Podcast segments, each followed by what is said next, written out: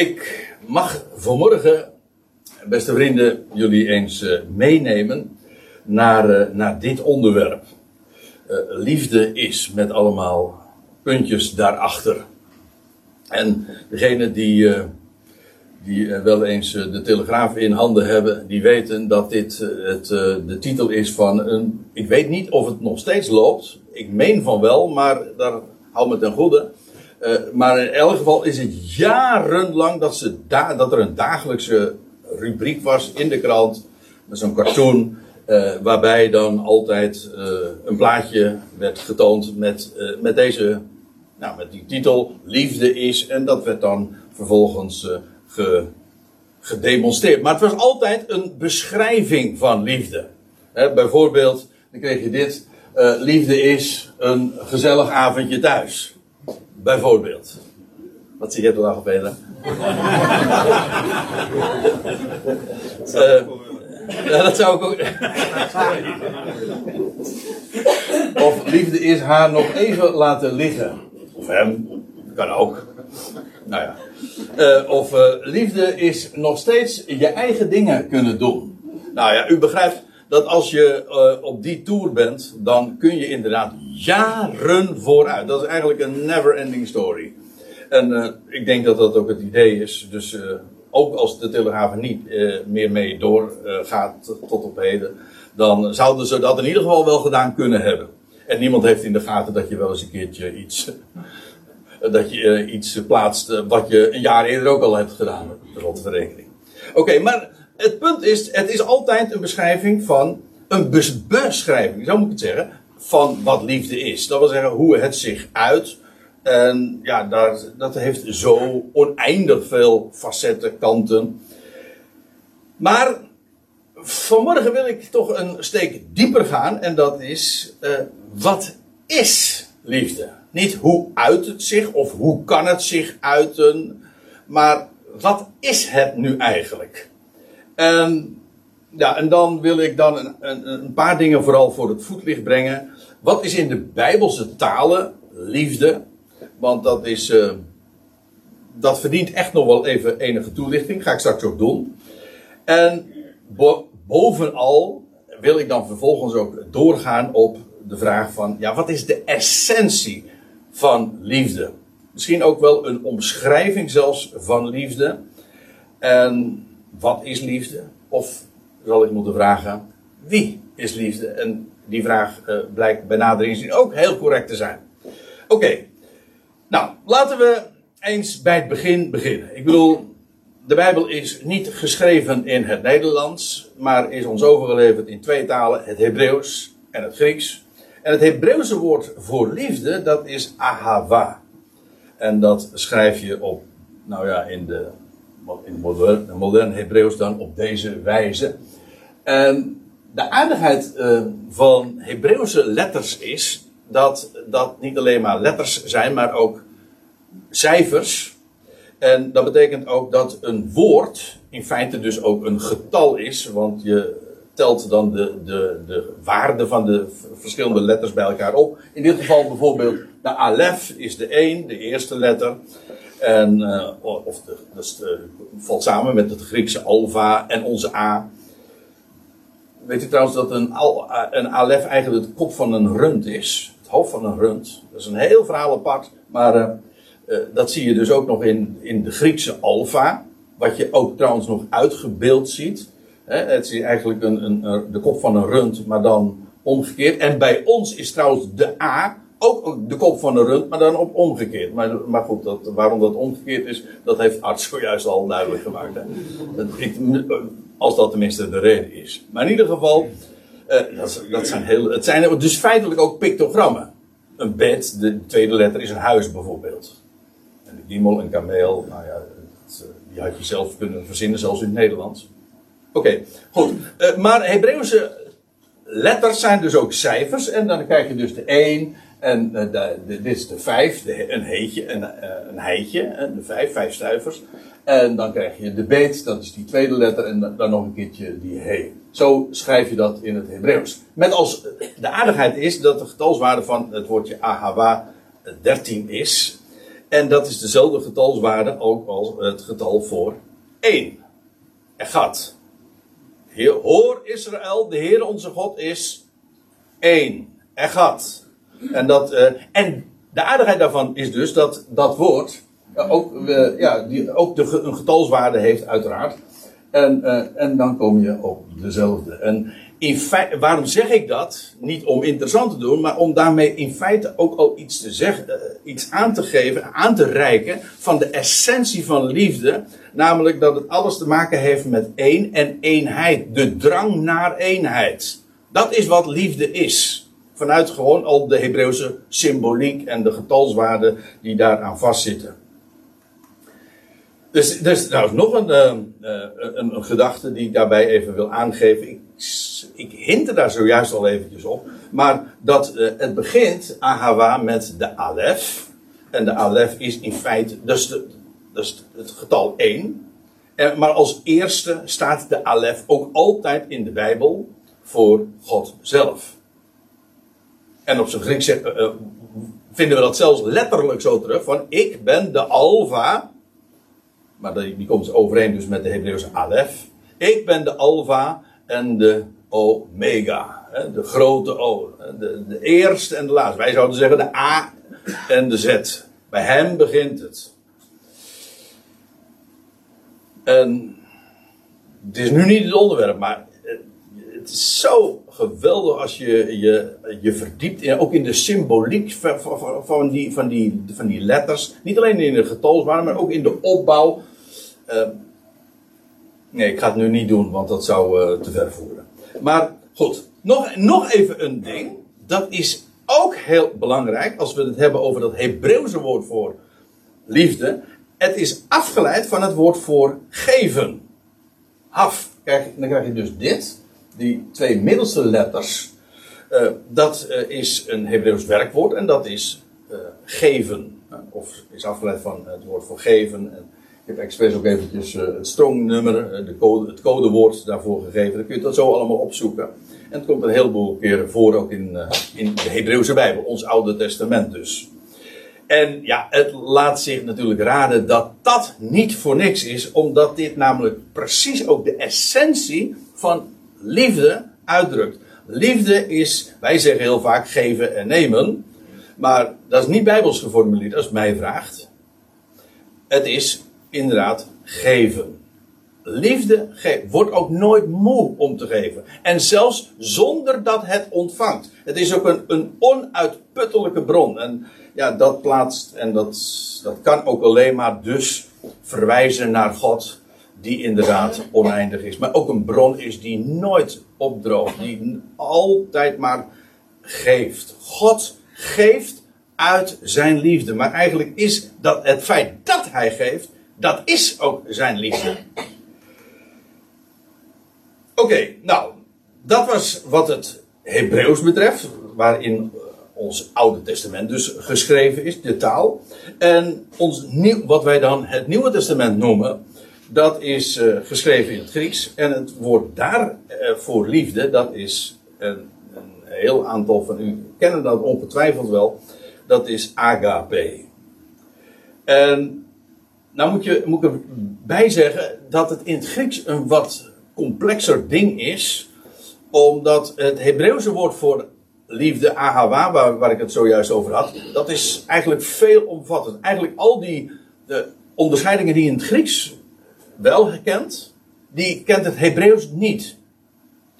En, en daarom wil ik eh, dat woordje agape, dat moet je onderscheiden van een tweetal andere woorden die er misschien mee te maken hebben, of in ieder geval die voor ons heel vaak ook worden weergegeven als liefde, maar die in, het, in, in de taal van het Nieuwe Testament uh, daarvan onderscheiden is. En het, het, eerste is filio. En dat is, dat woord filio, dat heeft te maken met de aantrekkingskracht op basis van eigenschappen van iets of iemand. In onze taal, en trouwens in alle moderne talen, is uh, dat woord filio uh, in doorgedrongen. Uh, nou, ga maar eens na. Filantroop. Daar, zit het, er zijn zoveel woorden met fil in. Filatelist. Weet het is? Filatelist, dat is een liefhebber van uh, postzegels. Hè? Een bibliofiel. Een liefhebber van boeken. Of een anglofiel. Iemand liefhebber van uh, het Engels of uh, van het Engels, het Anglos. Ja, gewoon alles wat met Engeland te maken hebben. ja, gewoon heterofiel, homofiel. Je, oneindig veel woorden die allemaal met. En dat heeft te maken met. Ja, wij zeggen liefde. Of het beminnen van. Maar in ieder geval, het is altijd de aantrekkingskracht op basis van je houdt van iets, hè? Uh, maar dan altijd op basis van eigenschappen van, van iemand of van iets. Hè? Een vriendschap bijvoorbeeld, als filio.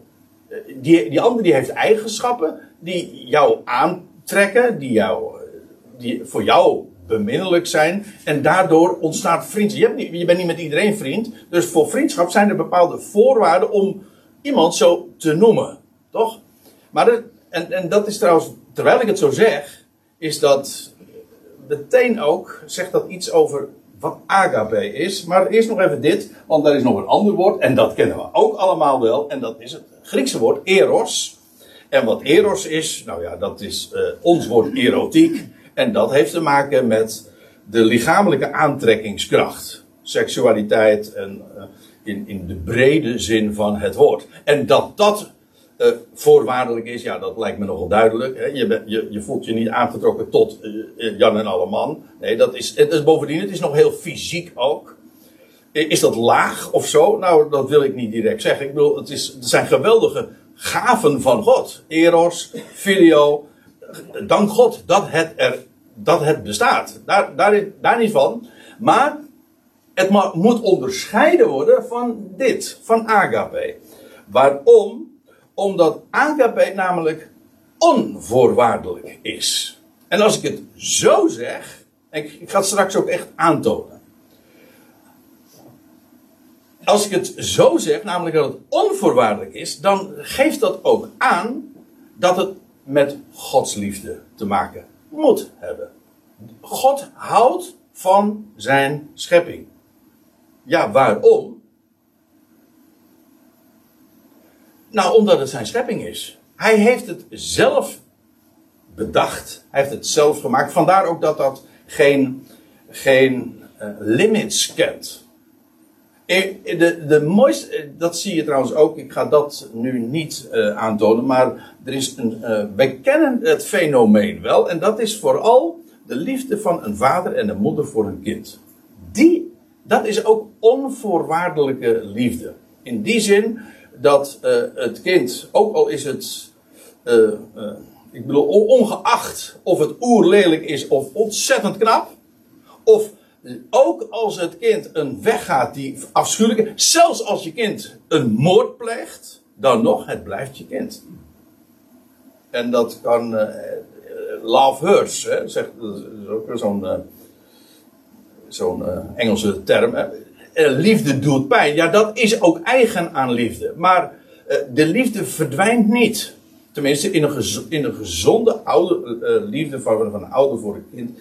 Dat, dat verdwijnt niet. Want wat het, ook, het kind ook doet, het blijft je kind. En dat zegt ook iets, of heel veel, of misschien wel alles, van de liefde van God voor zijn schepping. Wat het schepsel ook doet, hoe het er ook uitziet, of hoe het ook bejegend wordt, het is zijn schepping. Hij, daarom, dat is ook de reden waarom uh, wij, wij beginnen hier nooit zo plechtig. Uh, dit zijn gewoon vrije samenkomsten, maar uh, in, in, diensten waarin de dienst, waarin de samenkomst heel plechtig wordt aangevangen in protestantse kerken, dan begint men ook, en ik, refereer er heel vaak aan, omdat volgens mij dat ook de, de basis is van de hele Bijbelse waarheid. God onze hulp is in de naam van de Heere, uh, die hemel en aarde gemaakt heeft, die trouw houdt en die nooit laat varen de werken van zijn handen. Ik weet maar al te goed hoe de dominee dat zelfs de, intonatie zou uh, kunnen overnemen. Ga ik niet doen. Sommige. En, uh, en uit de intonatie blijkt soms dat dat gewoon een, een, een act is. Dat, dat men niet echt begrijpt, sorry dat ik het zeg, waar men het over heeft. Maar het is er wel. De Heer, hij, de schepper van hemel en aarde, hij is trouw. En hij laat nooit varen de werken van zijn handen. Dat wat hij gecreëerd heeft. Het werk van zijn handen, dat is alles wat hij gemaakt heeft. Dat laat hij niet varen. Hij laat hem soms wel los. Maar altijd weer om het op te pakken. En ja, dat is, dat is AKB. Hij laat nooit los. Hij houdt van jou. Dat is wat je, dat we tegen iedereen kunnen zeggen. God houdt van jou. Dat klinkt wat, uh, misschien wat, uh, ja, hoe zal ik het zeggen, als een... Uh, dooddoener. Hè? Dooddoener. Ja, ja, een dooddoener of... Een, ja, cliché, dat was het woord eigenlijk wat ik, wat ik zocht. Maar dat is, je, natuurlijk. We zijn werk van zijn handen. Daarom houdt hij. Die liefde is hoe groot en grenzeloos ook. En alomvattend. Het is wel logisch. Natuurlijk. Hij heeft ons bedacht. Hij heeft ons gemaakt. Zou hij dat zonder plan hebben gedaan? En natuurlijk niet. Hij is God. Dus ja, dat, die logica is zo geweldig en indringend. Oké, ik wil nog een aantal andere dingen. Dit is wat de, de, de, de, zeg maar de taalkundige kant van het verhaal. Namelijk uh, ja, de woorden van liefde in de Bijbel en uh, hoe je het uh, moet onderscheiden, et cetera. Maar dan nog, dan zijn er nog een aantal elementen die ik wel graag eens genoemd wil hebben. Hoe de Bijbel zegt, spreekt over liefde en dan ook inderdaad inhoud geeft of de zin afmaakt van liefde is. Dus, en daarbij niet alleen maar op zijn telegraaf, om zo te zeggen, eh, een beschrijving geeft, maar in feite ook echt de, de essentie aanwijst. Liefde is de vervulling van de wet, zeg ik hier. En die, die, die, tekst, die vind je trouwens op verschillende wijzen. Je vindt het zelfs nog uitgebreider. Uh, als, als aan de, uh, aan de Heer Jezus gevraagd wordt door een schriftgeleerde over de, de, de kern van de, van de boodschap van het Oude Testament, de hoofdsom, de samenvatting van dat alles, dan zegt hij van, uh, je zult de Heer uw God liefhebben boven alles en je naast als jezelf. Dit is, dit is het liefhebben van hem en uh, van je naast. Dat is de ganse wet en de profeten. Wat gewoon een samenvatting is van de, de van de hele, het hele Oude Testament. Dat is het. Als je het helemaal in één woord wil samenvatten, dat is dat. Liefhebben. Want, ja, nou ja, goed. Uh, maar ook liefde is de vervulling van de wet. Ik ga naar Romeinen 13 toe. En dan, het is midden in het verhaal, maar dan zegt Paulus dit.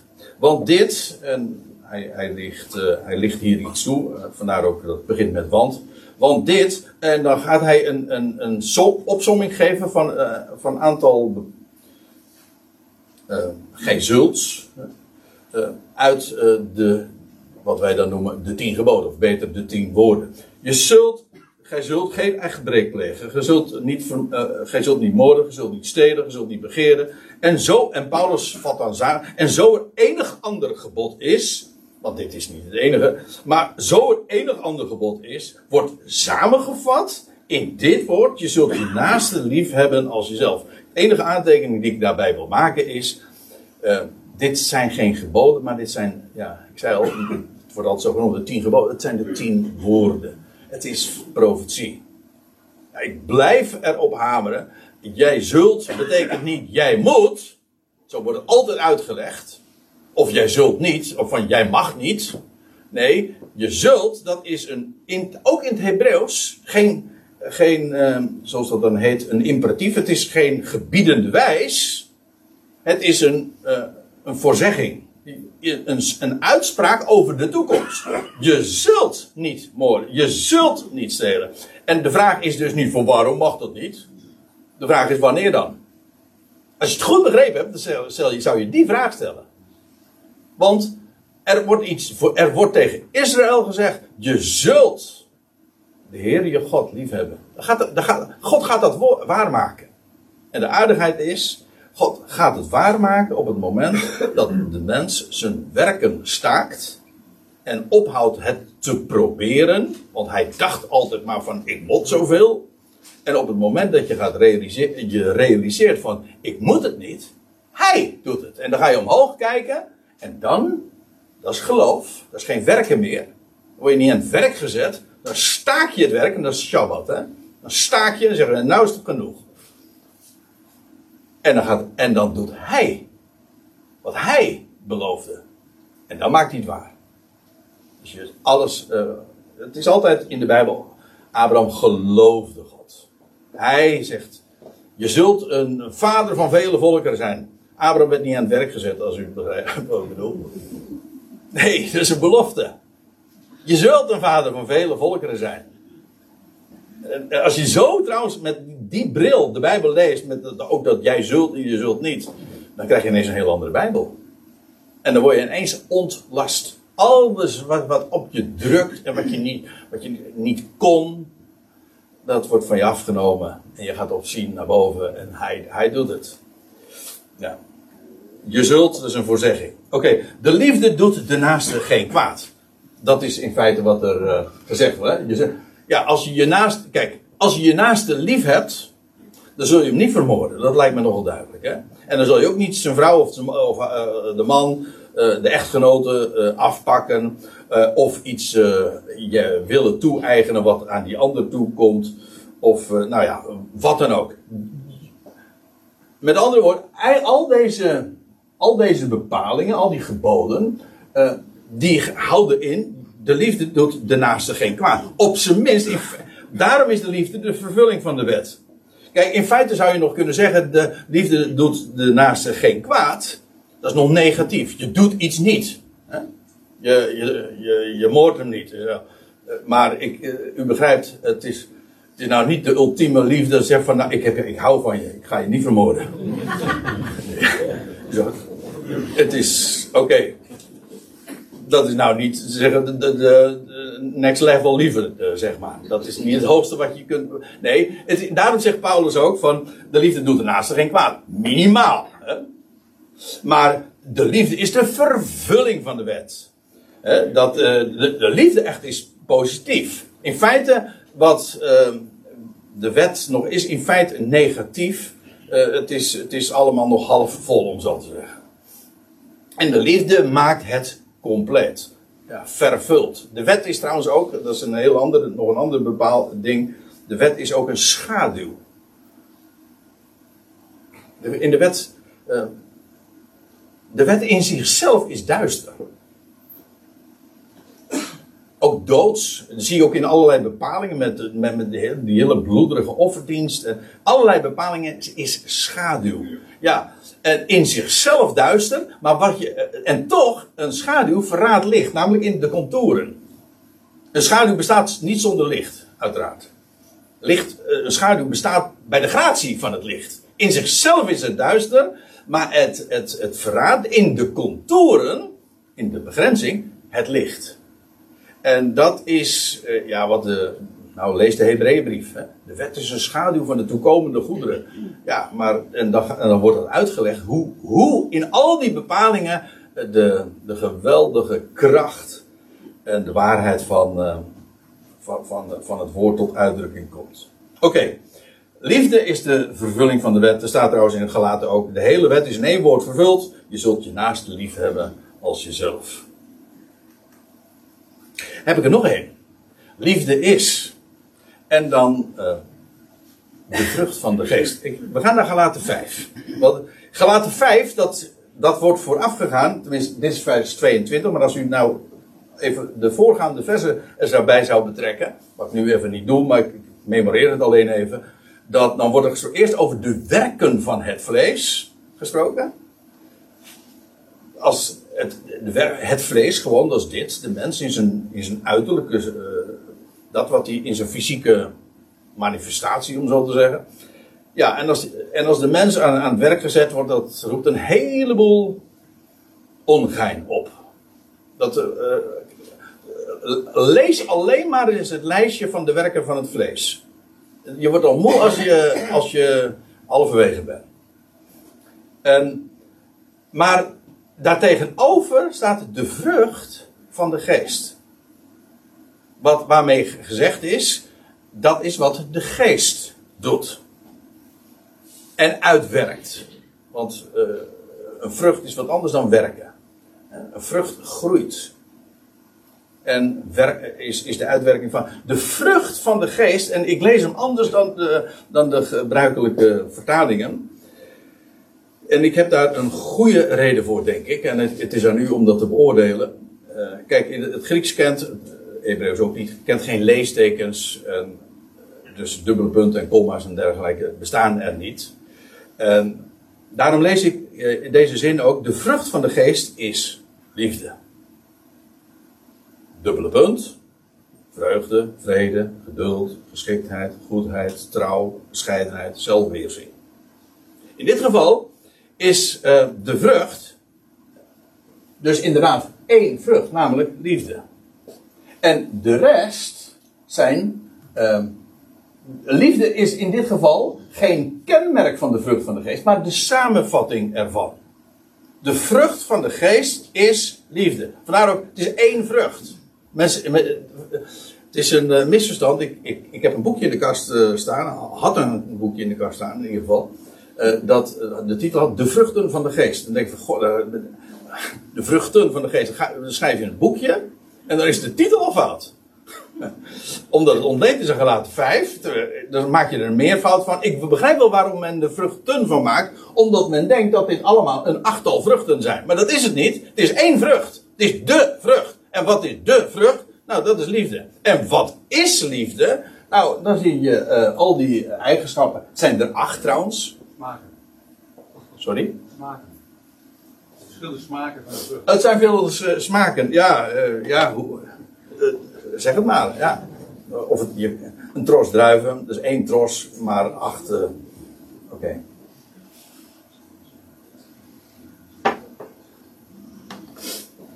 Ja, die acht is trouwens ook, vind ik ook wel apart, want acht is in de Bijbel altijd ja, nieuw. Eh, Het eerste van een nieuwe reeks, maar ook altijd van nieuw leven. En de vrucht, als de vrucht van de eik zichtbaar gemaakt wordt, dan is dat op de achtste dag. Ik bedoel dus, ik heb het over de besnijdenis dus.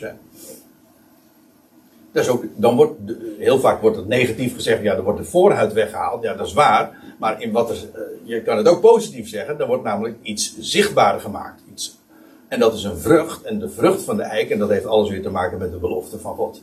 Want God die een eed zweert, dat is hetzelfde woord als voor eik. Dus een, eh, ik ga nu, nu niet toelichten, maar ik vind hem wel, ik vind hem geweldig. En het geweldige daarvan is, ja, eh, de geest is trouwens ook is leven. Hè? Als je de geest krijgt, dan ontvang je leven. En, en dat is acht. Alles, dat, als hij met zijn leven,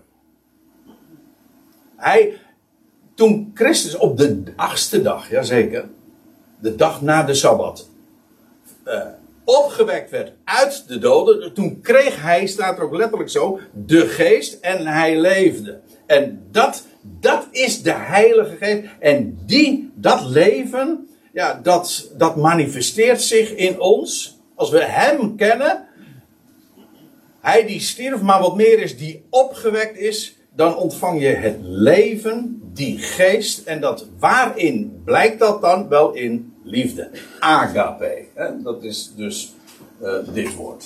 Agape. Dat is de vrucht van de geest. Liefde. En, ja, en waarin uitzicht dat? Wel in allerlei eigenschappen. Ik vind het trouwens heel bijzonder dat de eerste eigenschap dus in feite is, de vrucht van de geest is liefde. En wat betekent dat? Wel, dat is vreugde. Het eerste wat de uiting van de vrucht van de geest van, en ook daarmee van liefde, dat is vreugde. Maar ook vrede. En daarin zie je ook meteen alweer, dit is geen mensenwerk. Je kan namelijk een heleboel dingen op commando doen. Maar er is één ding wat je niet op commando kan doen. En dat is blij zijn. Ja, je kan wel eh, het faken. Maar daar- daarmee zeg ik dus ook dat het dus niet kan. En blij zijn. Hij maakt je blij. Maar dat, dat is een kenmerk van Gods liefde. Het maakt je blij en het geeft je trouwens ook vrede. Het, dat werkt het uit, dat is een vrucht. En het, dat, dat groeit inderdaad automatisch. Als je de liefde Gods hebt leren kennen. dan wordt, dan word je daar blij van en het bewerkt vrede. Je leert de dingen accepteren zoals ze zijn. En ja, je kent God. Hij geeft alles een plaats. Ik vind dat, ja, ik zou dat hele rijtje nu langs kunnen gaan, maar laat ik, uh, nou, ik, ga, ik wil eerst nog even naar 1 Corinthië 13, want ik zei hier, deze kenmerken komen overeen met de lofzang op de liefde in 1 Corinthië 13. Want als ik, als ik één hoofdstuk nu had moeten noemen over waar, uh, wat de Bijbel zegt over liefde, dan had ik, als ik dat zo uh, gevraagd had, dan denk ik dat de meesten hadden gezegd 1 Korinthe 13. Ja, 1 Korinthe 13 is het hoofdstuk bij uitstek dat gaat over de liefde. En het wordt uh, te pas ook wel eens te onpas aangehaald. Meestal ook om, uh, om te vertellen wat, uh, wat we moeten doen en zo. En ik denk dat daarmee de plank misgeslagen wordt. Maar liefde is, ja. Nou, 1 Korinthe 13. En waarom Paulus daar juist in het is eigenlijk een, 1 Korinthe 13 is een onderbreking. Tussen hoofdstuk 12 en 14. Die had je zelf ook kunnen verzinnen natuurlijk. Maar, uh, want Paulus heeft het over heel andere dingen. Maar hij wijst hier juist op, op omdat uiteindelijk dit hetgeen is wat zou blijven. Altijd. Tegenover allerlei dingen die voorbij zouden gaan, profetieën, spreken in talen. En Paulus wijst er al op van, in zijn dagen, dat gaat, dat gaat voorbij. Maar wat blijft, dat is geloof, hoop en liefde. En, en de meeste van deze is de liefde. Want de liefde gaat helemaal nooit voorbij. Want geloof en hoop, dat houdt ook een keer op. Bedoel, op het moment dat wij gaan zien, dan, houdt, dan wordt geloof verwisseld voor aanschouwen. En dan wordt de hoop ingelost. En de, dan is de, dan is, ja, hoe zal men hopen op hetgeen men ziet? Dus als het eenmaal werkelijkheid wordt, dan is de hoop in feite dus weg. En geloof ook. Want het is namelijk, heeft plaatsgemaakt voor zin en aanschouwen. Maar de liefde, die blijft. Dus het is eigenlijk een, een soort van uh, twee of drie traps raket. En, en eerst verdwijnen uh, van die spreken talen en profetieën en al dat soort uitingen. Uh, die, bestonden in de eerste eeuw. En Paulus zegt nee, dat gaat verdwijnen. Maar geloof, hoop en liefde blijft. Maar uiteindelijk blijft alleen de liefde over. Nou ja, heb ik toch iets gezegd over die hele context van 1 Korinthe 13. Maar dan beschrijft hij die liefde. En dan zegt hij, de liefde is geduldig. Heel aardig, uh, want dit is, geeft ook aan dat de liefde wordt hier, dat noemen ze zo, gepersonificeerd. Dat wil zeggen, het wordt als een persoon voorgesteld. De liefde is een abstractie. Hè? De, liefde, de liefde is geduldig. Maar hoezo? Uh, het is toch niet iemand? Nou, dat, daar gaan we dus. Dat is nu juist precies wat we moeten betwijfelen, want de Bijbel zegt dat. Ik, deze had ik natuurlijk veel eerder al moeten noemen. Maar ik heb hem expres even bewaard. Want de Bijbel zegt inderdaad. Tot twee keer toe. Letterlijk. God is liefde. Het staat in 1 Johannes 4, vers 8 en 16. Mooi, makkelijk onthouden. 4, 8, 16. Ja. God is liefde. En feitelijk is het zo dat als hier staat de liefde is geduldig, gaat maar naar het hele rijtje. Je kunt daar voor liefde gewoon God invullen. God is geduldig. Hij is geschikt, niet naar ijver, etc. Al die dingen. Het is een beschrijving van wie hij is en hoe hij. Dit is. Hij geeft. En hij is inderdaad uh, geduldig. Hij heeft, ja, hij is geduldig. Dan, uh, hij heeft de tijd. Hij geeft ook de tijd. En hij schept ook gelegenheid. Maar dat is wat geduld ook is. Geduld wil niet alleen maar zeggen dat je wacht. Want soms, uh, want je, ik bedoel, stel je voor, uh, je wacht op de trein. Ja, maar het feit dat je erop wacht, dat wil nog niet zeggen dat je geduldig bent. Hè? Dat je jezelf helemaal opvreet, dat, die trein niet, maar niet komt. Je, je moet wachten, maar je hebt geen alternatief. Maar geduld wil zeggen dat je uh, het wachten ook een plaats geeft. Dat je, laat ik het zo zeggen, dat je vrede hebt in het wachten. Ik zeg niet dat je het leuk vindt, maar dat je de dingen kunt accepteren. Dat is ook, dat heeft te maken met geduld. Alles, alles heeft zijn tijd, alles ook op zijn tijd. En dat, die houding van het geduld hebben en de dingen de tijd geven. Weet wel, dat is een probleem voor stervelingen. Want wij, hebben zelf maar, wij zijn maar zo, zo gelimiteerd in, in, in de tijd. En dus hebben we zo'n haast en dan rennen we onszelf helemaal voorbij. Maar als je, ja, als je God kent, je weet, je hebt, je hebt de, onvergankelijkheid uh, hebben wij, ja, niet naar dit, maar ik bedoel, onvergankelijk leven hebben we ontvangen. Dat is onze garantie. Dus ja, als je eenmaal Hem kent, dan kun je in diezelfde vrede en hetzelfde geduld wat Hij oefent of kent, uh, ja, dat wordt ons dan ook eigen. De liefde is geduldig. Ze is geschikt. Staat in de NBG-vertaling. Ze is goedertieren, of andere vertalingen zeggen vriendelijk. Eigenlijk staat er uh, letterlijk zoiets als bruikbaar. Ik heb er een keertje een hele aparte bijeenkomst nog aan dit specifieke woord. Bruikbaar in de zin ook van aangenaam. Je leest in, is een hele mooi voorbeeld. Je leest in Lucas 5 over de oude wijn, die, uh, dat is de beste. Hè? En die is, uh, staat, is geschikt. Wij, wij zeggen het eigenlijk ook zo. Iemand is, geschikt iemand. En de, in de zin van bruikbaar. Het is ges, geschikt om te gebruiken. Maar ook in de zin van aangenaam, vriendelijk. De liefde is niet naijverig. Dat, is, dat zijn dan weer de negatieve eigenschappen. Of in ieder geval karakteriseringen. De, de liefde is niet naijverig. Of de liefde schept niet op. Ze is niet opgeblazen.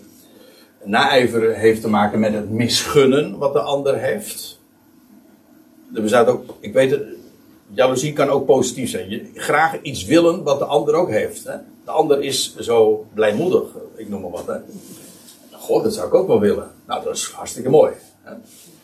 Daar, niet van. Maar uh, als je, de jaloezie in de zin van naijverig, van uh, de ander heeft iets en ja, je gunt het de ander niet dat hij dat heeft. En dat is, dat is die naijver opscheppen, dat is vooral neerzien op wat de ander heeft. Of wat die ander is. En dan, uh, nou, dan schep je op. Hè? Opblazen. In feite ook heeft het alles. Ik heb ooit eens een keer van iemand geleerd. Uh, liefde is de ander ruimte geven. Dat is ook een diepe. De ander ruimte geven. En als je opblaast, dan, dan maak, je jezelf heel erg groot. En als je het dan groot genoeg maakt, heeft de ander helemaal geen ruimte meer.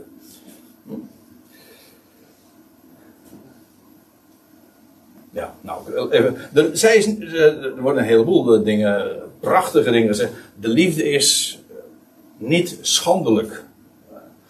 Uh, in de MBG-vertaling staat. Uh, uh, ze kwetst niet het. De, ze kwetst niet niemands gevoel. Ze, het heeft te maken met het, het erkennen van de waardigheid van de ander. En er kunnen best harde woorden vallen. Ook dat is, liefde is niet in strijd bijvoorbeeld met boosheid. Boosheid kan, eh, kan een plaats hebben. En ook heel doelmatig zijn. En juist ingegeven. Een vader, hoe staat het? Die zijn kind lief heeft, die kastijdt bij, bij geval. Eh, corrigeert dat. En dat kan soms heel hardhandig zijn. Mag, mag, moet je tegenwoordig erg mee uitkijken. Dat weet ik. Maar het is een hele vanzelfsprekende waarheid. Sterker nog, dan denk ik wel eens een keertje dat een, een, een kort, hardhandig optreden soms heel wat beter en geschikter en liefdevoller is dan, uh, nou ja, allerlei andere maatregelen. Of, enfin. Uh, maar wel, de ander erkent, de, de, waarde, de waardigheid van de ander erkennen. Uh, zij zoekt zichzelf niet. Ik, was, ik ben oud genoeg om te weten dat er in de jaren 60 een, ooit een actie was van de NCRV. En dat, had, dat heette 4 maal ZN. En dat was ontleed aan dit, dit woord.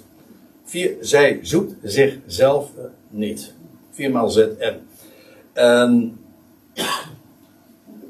ik, ik geloof, dat is mijn, uh, dat, uh, dat is wat, wat ik hieruit afleid. Zij liefde zoekt zichzelf niet, want liefde heeft zichzelf al gevonden. In namelijk in Gods liefde. Ik hoor, ik hoef mijzelf niet te zoeken, omdat ik weet, eh, om, als ik weet dat ik geliefd, ja, zo moet ik het zeggen. Als ik weet dat God mij lief heeft, en Hij mij de ruimte geeft, en Hij een plaats voor mij inruimt, en dat ik belangrijk voor Hem ben, dat Hij een, een, een plan heeft en dat ook realiseert, helemaal op Zijn tijd, op Zijn wijze, dan hoef ik mezelf niet meer te zoeken. Want het, het is, het is, de Bijbel zegt ook helemaal niet dat het fout is om jezelf lief te hebben. Sterker nog, wat ik zojuist aanhaalde, hè, de, naaste, eh, de, de, eh, de samenvatting van, die, van de liefde was toch van eh, de, de naaste liefhebben als jezelf. Het jezelf liefhebben wordt verondersteld. Natuurlijk. Je bent geliefd. En dat te erkennen, daar, daar begin je mee. Maar zoals ik geliefd ben, bent u ook geliefd. En al die andere mensen ook, die onuitstaanbare figuren. Hè, die je eigenlijk het liefst onder de behang zou plakken of onder de tapijt zou willen vegen. Of weet ik, misschien wil je nog wel kwalijkere dingen ermee doen. Dus het zijn allemaal creaties van God. Vergeet dat nooit. Maar, ja, je hoeft jezelf inderdaad. Zij zoekt zichzelf niet. Uh, er zei iemand uh, dat een minderwaardigheidscomplex in feite een vorm van hoogmoed is. Dus een eh, diepgaande, maar dat betekent eigenlijk iemand die het altijd maar heeft over zichzelf. Nou, ik ben zo slecht, ik kan dat niet. Ja, maar die heeft in feite een heel groot ego. Want die heeft het altijd maar over zichzelf. Want, en hij zoekt zichzelf voortdurend. En dat lijkt heel nederig, maar in feite is het hoogmoed. Want je vraagt alle aan. Jijzelf staat eigenlijk in het centrum van het universum dan. Want je, je bent voortdurend gepreoccupeerd op, op, jou, op jezelf. Nou, de liefde, zoekt zichzelf niet. Ze wordt niet geprikkeld. In de Statenvertaling, en de MBG-vertaling staat trouwens ook uh, niet verbitterd. Ja, bitterheid ontstaat op het moment dat je niet, dat je de ander niet de ruimte geeft. Dat is het. En ook niet gelooft dat God ook zijn weg gaat met die ander. En dat je, je, je raakt gefrustreerd, maar frustratie is ook niet uit hem.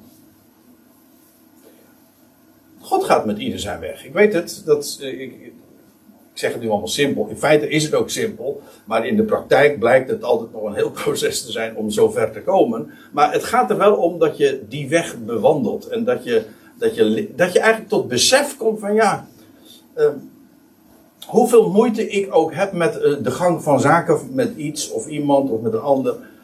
Ja, maar God gaat zijn weg. En hij maakt geen fouten. Dus ja. Ze rekent het kwade niet toe. Nou, ze, letterlijk staat er, ze rekent het kwade niet. In de MBG staat ze rekent het kwade niet toe. Dat kan uh, de gedachte zijn. Van ze rekent het kwade niet aan. Dat wat er gebeurd is. Ze vergeeft, ze laat los.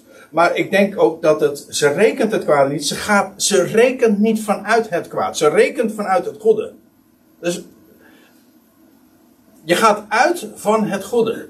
Dat vind ik ook heel logisch, want eh, God keert ook altijd het kwade weer uh, ten goede. Dat lees je van Jozef. Moet nagaan, hè? Wat zijn broers hem allemaal hadden aangedaan. En dan lees je, maar God, jullie hebben wel kwaad gedacht. Maar God heeft het ten goede gekeerd. En Jozef heeft altijd in dat besef geleefd. En daarom kon hij zijn broers ook zo bejegenen. Want hij dacht goed.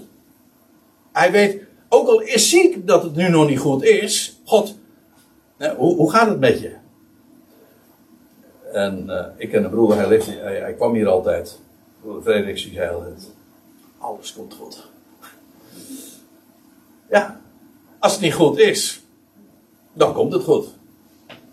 Dat is geen cliché. Dat is juist de fundamentele waarheid. Dat is positief denken. God die van alle minnen plussen maakt. Ja, je kunt erover theoretiseren, maar de, de, het geheim van het leven is dat je dat gewoon ook leert en dat je dat gewoon, je, staat s morgens op en zo je mindset is. Ze rekent het ze verheugt zich niet over, ja goed, ik moet door, doorgaan. Um, Ze verheugt zich niet over de onrechtvaardigheid, maar ze verheugt zich om de waarheid. Liefde houdt niet op. Houdt niet, ja, liefde houdt inderdaad niet op. Maar ze houdt niet van leugen en bedrog. Dat moet duidelijk zijn. Want u weet, om leugens in stand te houden, moet je de waarheid onrecht aandoen. Vandaar ook dat hier, ze verheugt zich om de waarheid, staat tegenover onrechtvaardigheid. Er wordt in uh, Romeinen 1 gezegd dat de wereld de waarheid in ongerechtigheid ten onder houdt. Want om de, om de waarheid ten onder, dan moet je, dan moet je dingen om, ja, inderdaad miskennen, onrecht aandoen. Maar de, de waarheid is altijd eenvoudig. Gewoon dus de rechte weg. Zeggen hoe het is. En de andere is altijd complex. En als niet complex is, dan word je het wel. Krijg je, of je krijgt een complex, ja, kan ook. Alles, ja, alles houdt zij uit. Of um, alles gelooft. Ja, prachtig. Vier keer alles. Alles houdt ze uit. Alles gelooft zij. Alles hoopt zij. Alles verduurt, verduurt zij. Verdraagt zij. Maar letterlijk verduurt zij. En ja, en waarom? Hoe, hoe kan zij alles uithouden en alles verduren? Wel, God kent geen hopeloze gevallen. Ik vind dat zo'n geweldige waarheid. Uh, wij geven, uh, je raakt gefrustreerd en je denkt, nou, nou is het eind. Bij God niet. Liefde is met recht ook grenzeloos. Er bestaan voor hem geen hopeloze gevallen. En dan, dan kan dit ook zo waar zijn. En daarom ook al, alles gelooft zij, alles hoopt zij. Ik geloof, dat betekent niet dat je alles wat je op. Uh, nou ja, daar heeft Art het al over gehad. Wat je in de krant verteld wordt. Oh ja, ik geloof het allemaal. bij, mij, bij, bij, mij werkt het omgekeerd. Uh, maar als het hier zijn, alles gelooft, alles hoopt zijn, namelijk dat wat God zegt natuurlijk. Hè. Wat hij, trouwens ook hiervan geldt weer, dit is in God gelooft in zijn, er is, in zijn woord. Er is niemand die zoveel geloof heeft in, in het woord als God zelf. En, en hoopt zij. Ja, want God vervult dat wat hij belooft. Dus zo'n enorme, grenzeloze, alles overstijgende verwachting van God.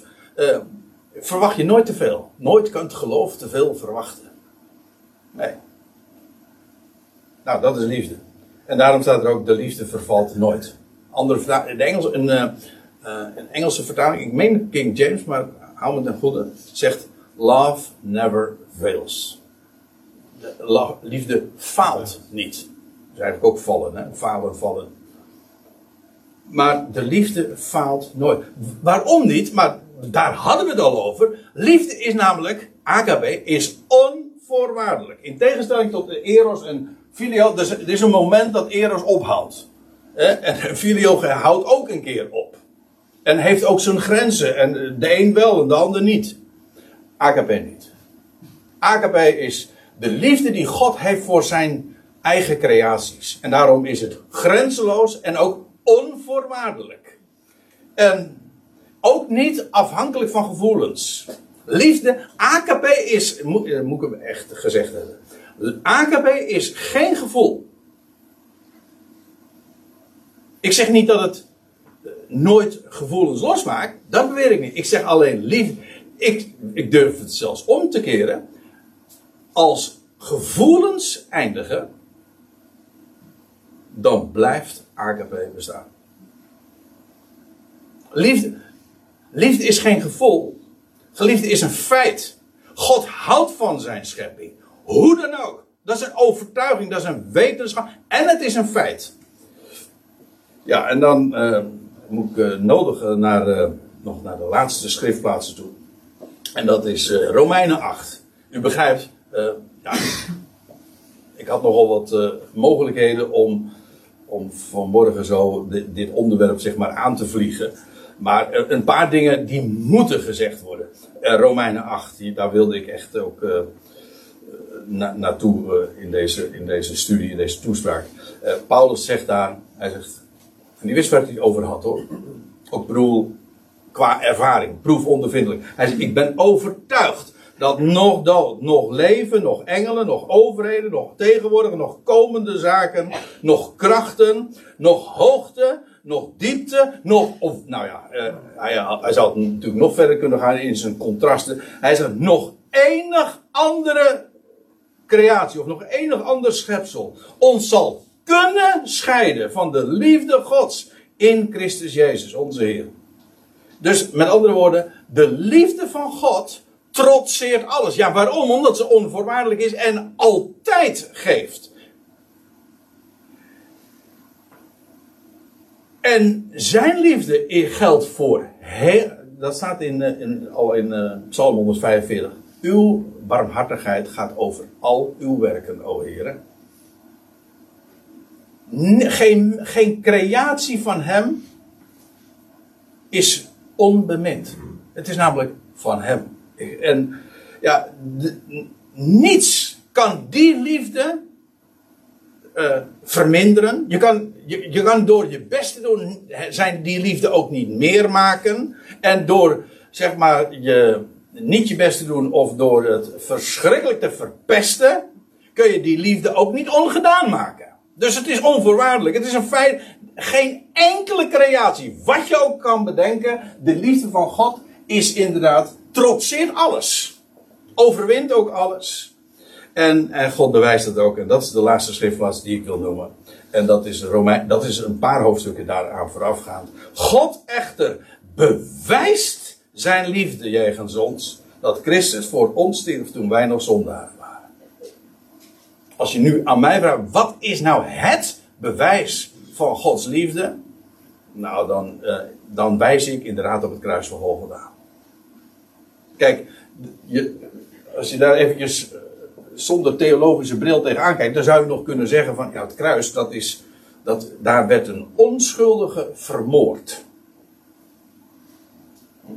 Christus stierf door de wereld. En dat was in feite de ultieme haat. Het beste wat God kon geven, heeft de wereld aan het kruis genageld. Maar juist tegen die donkere achtergrond openbaarde Gods liefde zich. Want Christus stierf door de wereld, want zij sloegen hem aan het kruis. Maar Christus stierf ook voor die wereld. Voor alle. De liefde van Christus dringt ons, want één stierf voor allen. 2 Korinthe 5. Ja, dus terwijl de wereld hem aan het kruis sloeg, zei hij: Ik doe dit voor jullie. Waarom? Om aan allen het leven te geven. Drie dagen later zou hij worden opgewekt en dan zou hij aan al die, aan de hele wereld, iedereen zijn eigen rangorde, gaat hij het leven geven. Of je nou wil of niet. Ik bedoel, we zijn allemaal Adamieten, we zijn allemaal stervelingen, we zijn allemaal zondaren. En God zegt, ik hou van jullie en ik heb het bewezen en jullie hebben mijn zoon aan het kruis geslagen. Maar juist dat was voor jullie, want doordat hij stierf, kon hij opstaan uit de doden en bracht hij leven aan het licht. En dat leven is voor jullie, moordenaars. En dat is ook de wijze waarom hij, uh, waarop hij verzoening brengt. Want hij maakt zo alle vijandschap, doet hij teniet. Dat is verzoening. Dat vind ik geweldig. Dat, uh, dus, dat is het laatste voorbeeld wat ik wil geven, Romeinen 12. Er staat van, als je vijand nou honger heeft, geef hem te eten. Als hij nou dorst heeft, geef het te drinken. Er staat erbij, zo, zo zul je uh, vurige kolen op zijn hoofd. Uh, dat wil zeggen, je maakt zijn vijandschap onmogelijk. Iemand die dat, jij hebt honger. En je krijgt van notabene van een vijand, die geeft jou te eten. Ja, hoe kun je je vijandschap dan nog in stand houden? Dan smelt de vijandschap. Dat is de liefde van God. Die, over, die verzond daarmee zijn vijanden. De verzoening is niet voor gelovigen, verzoening is voor vijanden. En zo, en daarom, waar ik mee begon, daar beëindig ik mee. De liefde is, dat is dit. Eén stierf voor allen. Niemand uitgezonderd. Dat is de liefde Gods in Christus Jezus. Zullen we daarbij